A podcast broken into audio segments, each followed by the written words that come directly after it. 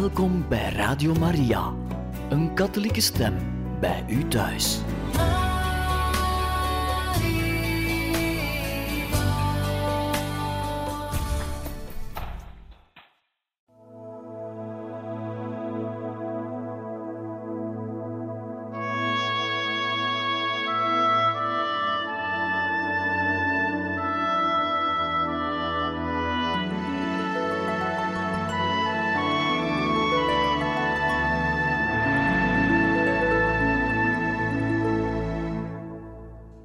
Harte welkom, beste luisteraars van Radio Maria, bij het programma Heiligen Getuigen. We lezen u voor uit het boek Mijn levensverhaal, geschreven door de heilige Thérèse van Lisieux en gepubliceerd door Koen de Meester. We gaan vandaag verder in de jeugdherinneringen van de heilige Thérèse van Lisieux, zoals zij deze zelf heeft neergeschreven in het eerste autobiografische manuscript aan moeder Agnes, de overste in de Karmel, waar de heilige Therese van Lisieux uiteindelijk haar leven zou doorbrengen, en deze vrouw was overigens ook haar zus. We gaan verder met de herinneringen aan de geestelijke conferenties in het gezin van Therese van Lisieux.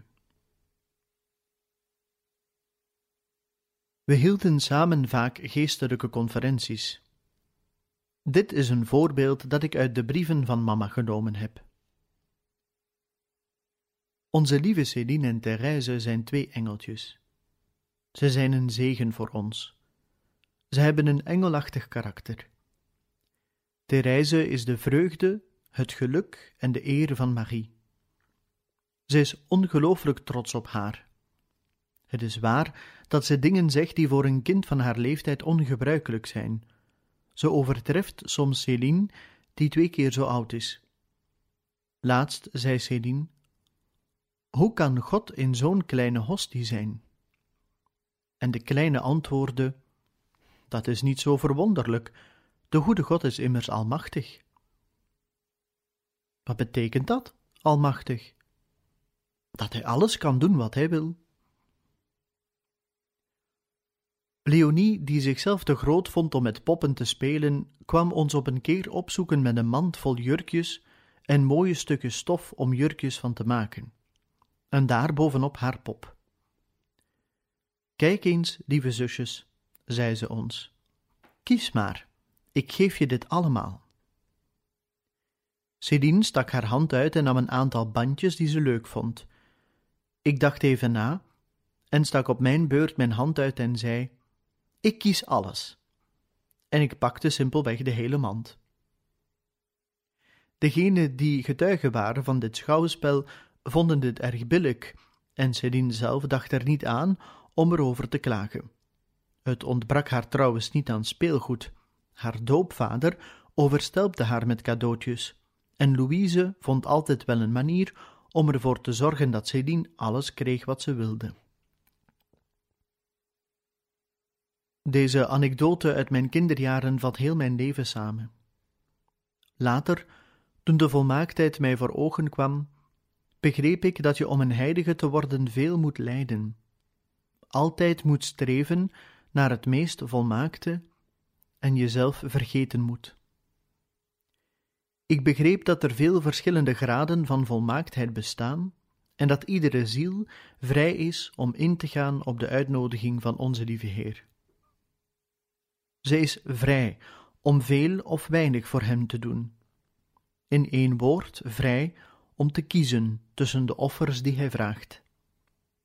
Net als vroeger toen ik klein was, riep ik toen uit: Mijn God, ik kies alles. Ik wil geen halve heilige zijn. Ik ben niet bang voor u te moeten lijden. Voor één ding ben ik bang, en dat is mijn wil te behouden. Neemt u die, want ik kies alles wat u wilt.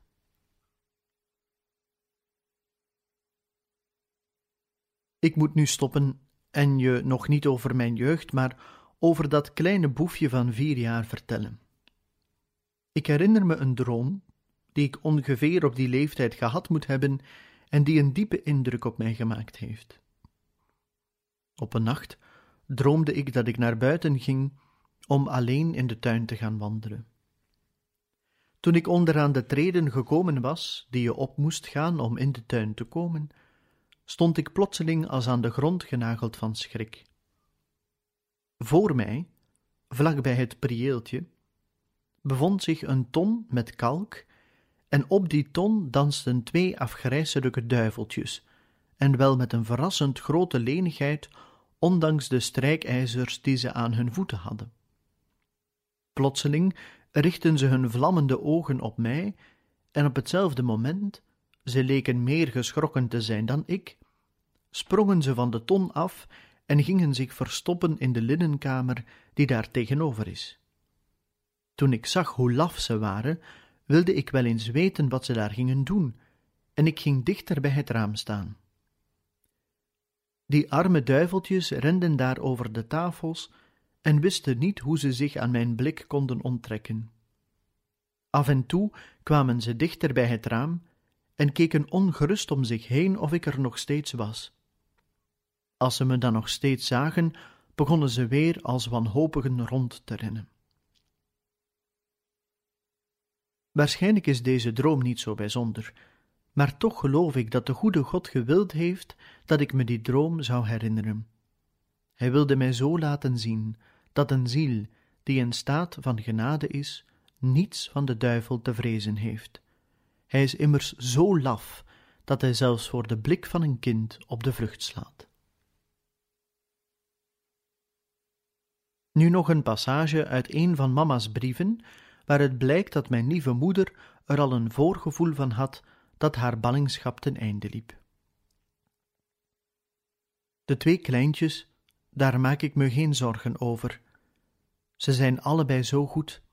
Het zijn twee bijzondere kinderen. Ze zullen goed van karakter zijn. Marie en jij kunnen ze uitstekend opvoeden. Céline zal opzettelijk nog niet eens het kleinste foutje maken. En de kleine zal ook goedig zijn. Ze zou nog niet willen liegen voor al het goud van de wereld. Ze is ook scherpzinnig, meer dan ik ooit bij een van jullie gezien heb. Laatst ging ze met Céline en Louise naar de kruidenier. Ze sprak over haar offertjes en praatte daar nogal luid over met Céline. De dame van de winkel zei tegen Louise: Wat bedoelt ze toch? Als ze in de tuin speelt, hoor je haar alleen maar praten over offertjes. Mevrouw Gaucherin steekt soms haar hoofd uit het raam om er zo achter te komen wat dat gesprek over offertjes precies inhoudt. Dat kleintje maakt ons gelukkig. Ze zal een goed karakter hebben, dat zie je nu al. Ze praat alleen maar over de goede God en zal voor niets ter wereld verzuimen haar gebeden te doen. Ik zou willen dat je haar eens verhaaltjes kon zien voordragen. Ik heb nog nooit zoiets liefs gezien. Uit zichzelf vindt ze de bijpassende gezichtsuitdrukking en stijl van spreken. Het is vooral zo mooi als ze zegt: Klein kindje met je blonde haar, waar denk je dat de goede God is? En als ze dan bij het stukje gekomen is hij is daarboven in de blauwe hemel, dan richt ze haar blik omhoog met een engelachtige uitdrukking op haar gezicht. We krijgen er maar niet genoeg van haar dat te laten zeggen, dat is zo mooi. Er is zoiets hemels in haar blik, dat we er verrukt van zijn. Moeder, wat was ik toen gelukkig. Ik begon al van het leven te genieten.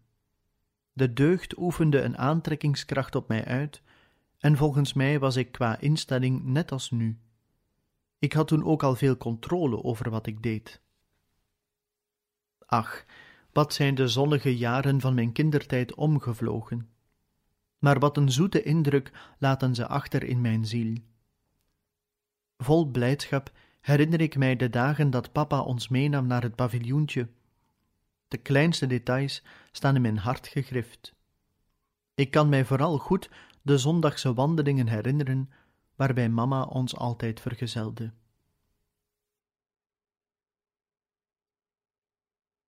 Ik voel nog de diepe en poëtische gedachten die in mijn ziel opkwamen bij het zien van de korenvelden vol blauwe korenbloemen en veldbloempjes. Ik hield toen al van wijde verten. De wijde ruimte en de geweldig hoge sparren, waarvan de takken de grond raakten, lieten in mijn hart dezelfde indruk achter als die ik nu nog ervaar bij het zien van de natuur. Vaak kwamen we tijdens die lange wandelingen arme mensen tegen. Tot haar grote vreugde was de kleine Therese altijd degene die hun de aalmoes brengen mocht. Maar vaak ook vond papa dat de weg voor zijn koninginnetje te lang was en bracht hij haar tot haar groot ongenoegen eerder dan de anderen thuis.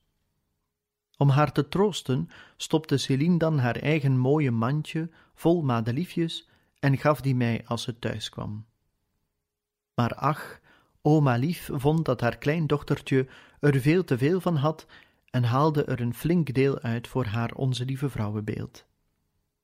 Dat was niet erg naar de zin van de kleine Therese, maar ze hield zich in en zei er niets over. Ze had zich immers de gewoonte eigen gemaakt om nooit te klagen. Zelfs als haar iets afgepakt werd wat van haar was, of wanneer ze ten onrechte ergens van beschuldigd werd, wilde ze liever zwijgen dan voor haar gelijk opkomen. Dat was geen verdienste van haar kant, maar een deugd die van nature aanwezig was. Wat zonde dat deze goede eigenschap verloren ging. Werkelijk alles op aarde lachte mij toe. Ik vond overal bloemen op mijn pad, en mijn gelukkige karakter maakte dat mijn leven aangenaam was. Maar er zou een nieuwe periode voor mijn ziel aanbreken. Ik zou door beproeving gelouterd moeten worden en al vanaf mijn kinderjaren moeten lijden, om zo eerder aan Jezus aangeboden te kunnen worden.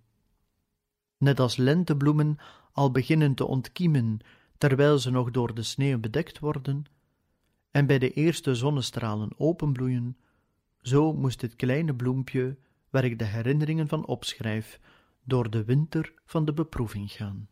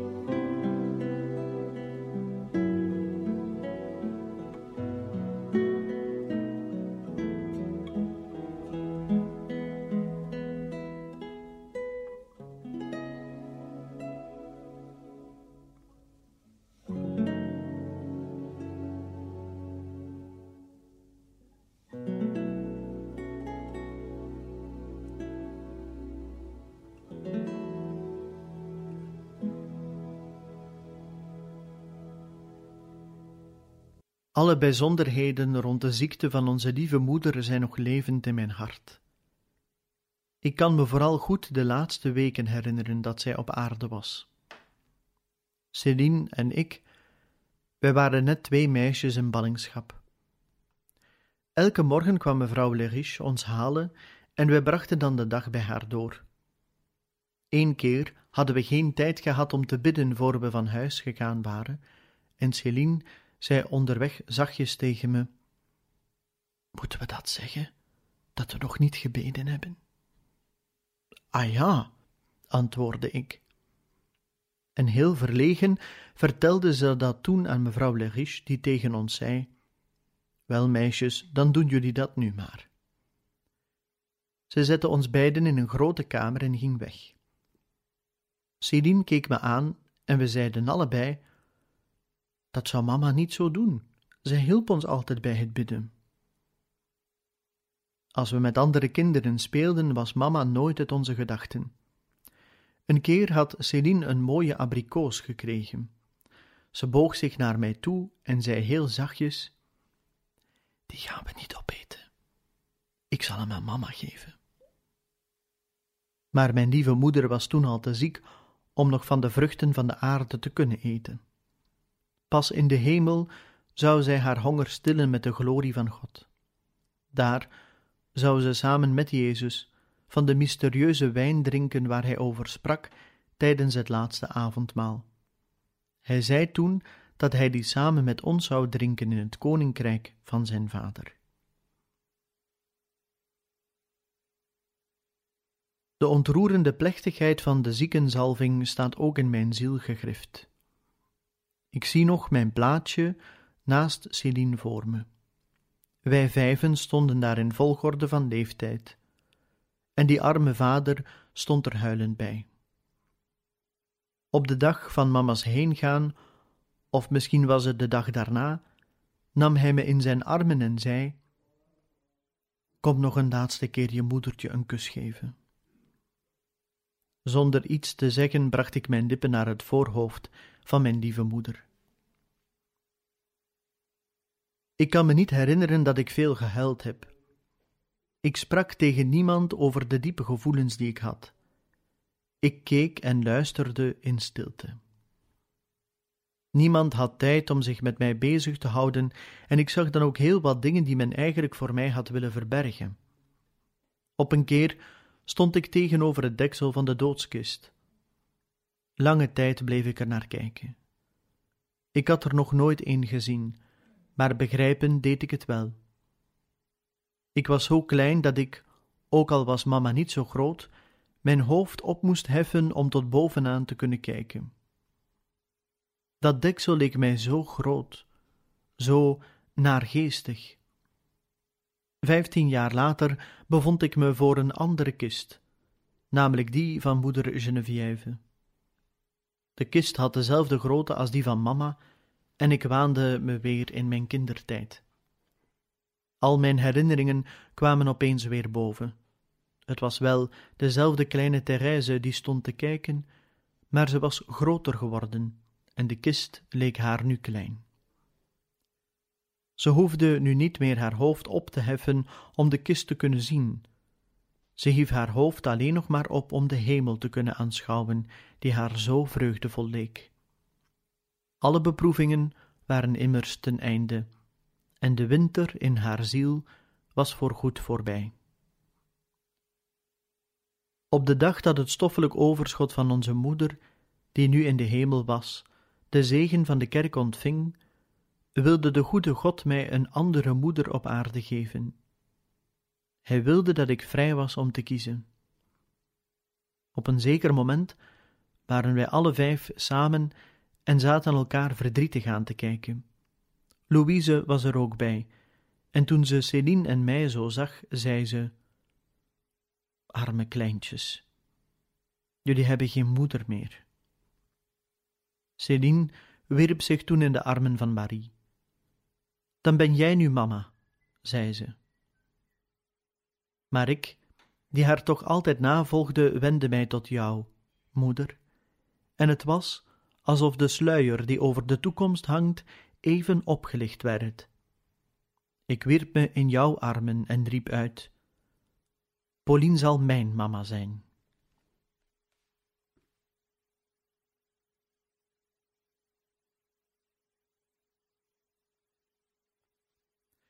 Hoofdstuk 2 De eerste jaren in Lisieux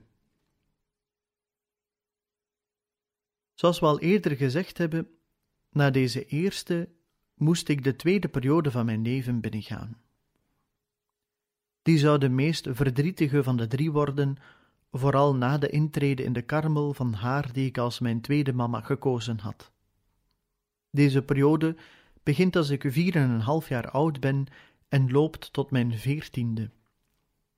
Toen zou ik opnieuw het gelukkige karakter terugvinden dat ik als kind bezat, terwijl ik toch het echte leven binnenging. Ik moet je zeggen, moeder, dat mijn mooie karakter na de dood van mama compleet veranderde. Ik was altijd zo levendig en open geweest, maar nu werd ik verlegen, zacht en hypergevoelig. Eén blik was al genoeg om mij in tranen te doen uitbarsten. Alleen als er niemand was die op mij lette, was ik tevreden. Ik kon er niet tegen bij vreemde mensen te zijn, en kon pas weer vrolijk zijn in de intimiteit van ons gezin. Toch werd ik nog altijd omringd met de meest fijngevoelige tederheid. In papa's zo tedere hart voegde zich bij de liefde die het al bezat, nu ook een moederlijke liefde. Jij en Marie waren de meest tedere en belangeloze moeders. Als de goede God niet zo gul zijn weldadige stralen aan zijn bloempje geschonken had, zou het nooit aan de aarde hebben kunnen wennen. Het was nog te zwak om regen en wind te kunnen doorstaan. Het had warmte nodig, zachte dauwdruppels en voorjaarsbriesjes, en nooit kwam het bloempje zulke weldaden tekort. Jezus zorgde er wel voor dat het die vond, zelfs onder de sneeuw van de beproeving. Ik was helemaal niet verdrietig toen ik wegging uit Alençon. Kinderen houden van verandering. Ik vond het leuk om naar Lisieux te gaan. Ik herinner me de reis en hoe we s'avonds aankwamen bij mijn tante. Ik zie nog voor me hoe Jeanne en Marie ons bij de deur stonden op te wachten. Ik was heel blij met zulke aardige nichtjes.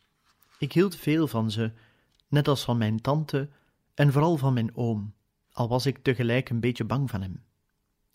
Bij hem voelde ik mij niet zo op mijn gemak als in de Bisonnet. Daar had ik echt een gelukkig leven. Je kwam als morgens vroeg aan me vragen of ik mijn hart aan de goede God geschonken had. Terwijl je me dan hielp met aankleden, sprak je over hem. En aan jouw zijde deed ik mijn ochtendgebed.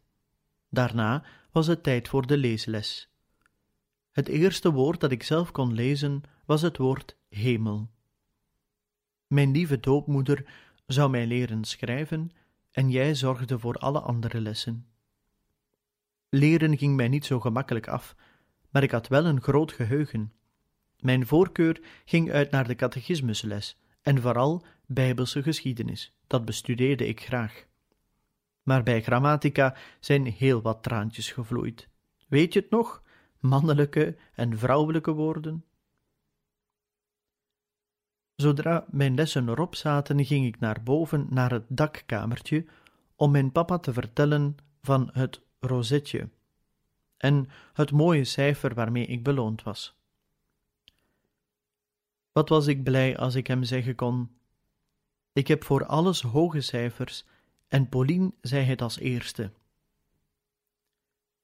Als ik jou namelijk zelf vroeg of ik voor alles een tien had en jij me ja antwoordde, dan was dat in mijn ogen net een graadje minder. Je gaf me ook goede punten, en als ik er een aantal achter elkaar gehaald had, kreeg ik een beloning en een dagje vrij. Ik weet nog dat ik die dagen altijd veel langer vond duren dan de andere. Dat deed je plezier, omdat dat immers bewees dat ik er niet van hield om te luieren. Elke middag ging ik een eindje wandelen met papa. We brachten dan samen een bezoekje aan het Heilige Sacrament en gingen daarvoor iedere dag een andere kerk binnen. Zo kwam ik ook voor de eerste keer in de kapel van de Karmel.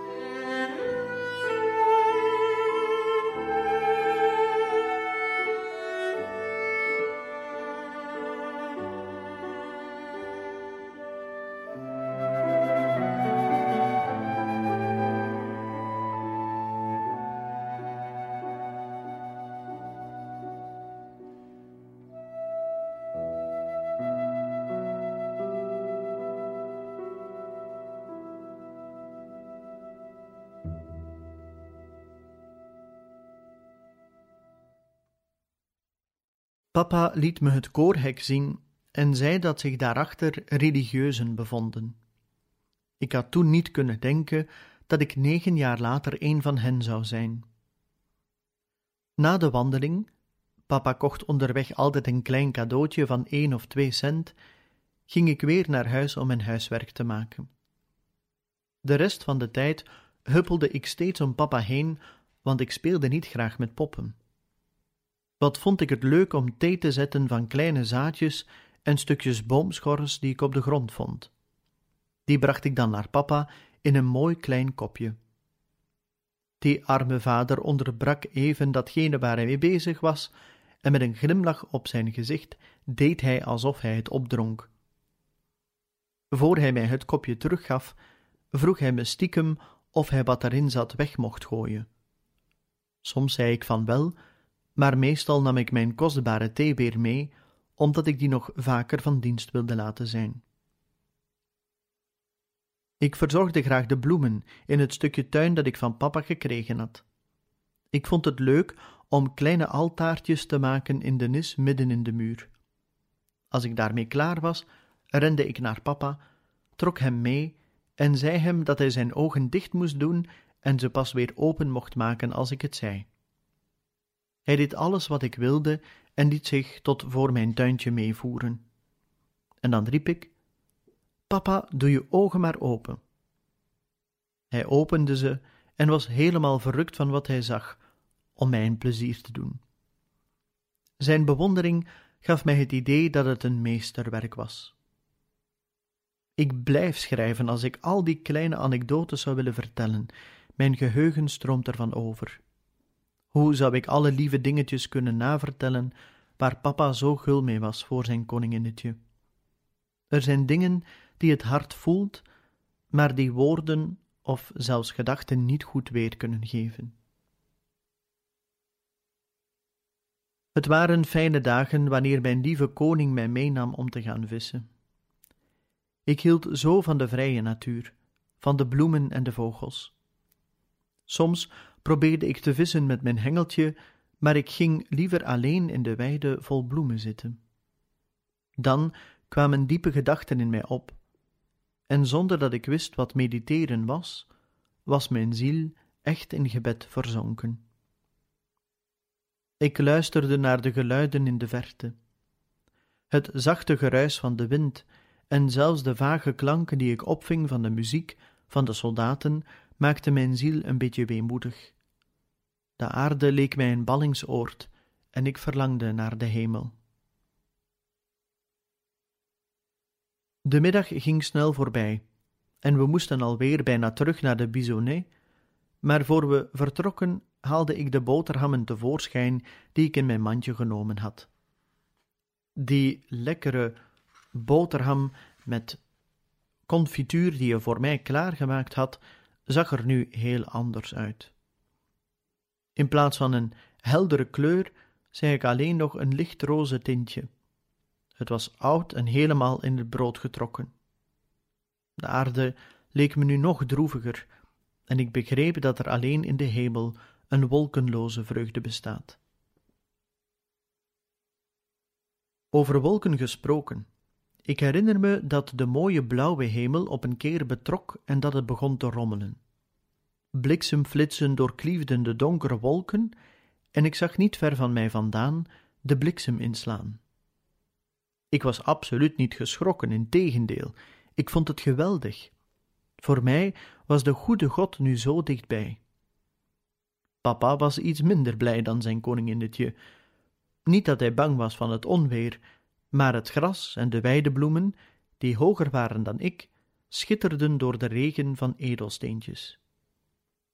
We moesten door verschillende weilanden heen om weer op een weg te kunnen komen. Mijn lieve vader was bang dat zijn dochtertje nat zou worden van die diamantjes. Hij tilde mij op, ondanks de vissnoeren die hij ook dragen moest, en nam mij zo op zijn rug mee. Tijdens de wandelingen die ik met papa maakte, liet hij mij graag de aalmoes aan de arme mensen geven die we tegenkwamen. Een keer zagen we iemand die zich moeizaam voortbewoog met zijn krukken. Ik ging naar hem toe om hem een cent te geven. Maar omdat hij zichzelf niet arm genoeg achtte om de aalmoes aan te nemen, keek hij me met een droevige glimlach aan en weigerde te nemen wat ik hem aanbood. Ik kan niet uitdrukken wat er in mijn hart omging. Ik had hem willen troosten en opbeuren, maar in plaats daarvan had ik hem verdriet gedaan, zo dacht ik. Waarschijnlijk raadde de arme zieke mijn gedachten, want ik zag hem zich omkeren en naar mij glimlachen. Papa had net een koek voor me gekocht en die wilde ik hem zo graag geven, maar dat durfde ik niet. Toch wilde ik hem iets geven wat hij niet af kon slaan, want ik had veel medelijden met hem. Toen herinnerde ik me gehoord te hebben dat je op de dag van je eerste communie alles verkrijgt wat je vraagt. En deze gedachte gaf mij troost. En ook al was ik pas zes, ik zei in mezelf: Ik zal voor mijn armen op de dag van mijn eerste communie bidden. Vijf jaar later hield ik mij aan mijn belofte, en ik hoop dat de goede God het gebed verhoorde dat hij in mij opgewekt had voor een lijdend iemand die hem toebehoort. Ik hield veel van de goede God, en heel vaak bood ik hem mijn hart aan door middel van een aanroeping die mama mij geleerd had. Toch beging ik op een dag, of liever gezegd op een avond, in de mooie meimaand een fout die ik even moet vermelden. En alvorens we het over die fout zullen hebben, misschien toch nog een kanttekening, de aanroeping waar de heilige Therese van Lisieux het over heeft, die haar mama haar geleerd heeft, is: Mijn God, ik geef u mijn hart, neem het alstublieft, zodat geen enkel schepsel het bezitten kan, maar alleen u, mijn goede Jezus. Terug naar die fout waar de heilige Therese van Lisieux het over heeft. Die fout was voor mij een belangrijke reden tot nederigheid, en ik denk ook wel dat ik daarvoor volmaakt berouw heb gevoeld. Omdat ik nog te klein was om mee te gaan naar het Marialof, bleef ik bij Victoire. Met haar deed ik de gebeden voor mijn kleine Mariabeeldje, dat ik voor de bijmaand op mijn eigen manier versierde. Alles was zo klein dat de kandelaars en de vaasjes met bloemen met twee flinterdunne kaarsjes al prachtig verlicht waren. Soms verraste Victoire mij met twee stompjes van zo'n lange ranke kaars, maar dat was maar zelden. Op een avond stond alles al klaar voor het gebed en ik zei tegen haar: Victoire, wilt u beginnen? Denk eraan, ik ga de kaarsjes aansteken. Ze deed alsof ze begon, maar zei niets en keek me lachend aan. Ik smeekte haar om te gaan bidden, want ik zag hoe mijn kostbare kaarsjes vlug opbrandden, maar zij bleef zwijgen. Ik stond op en zei haar met luide stem dat ze gemeen was. Ik verloor mijn gebruikelijke zachtmoedigheid en stampte zo hard ik kon. Die arme Victoire had geen zin meer om te lachen. Ze keek me met verbazing aan en liet me de waskaarsen zien die ze voor me meegebracht had. Na tranen van woede plengde ik nu tranen van oprecht berouw, met het vaste voornemen dat nooit meer te doen.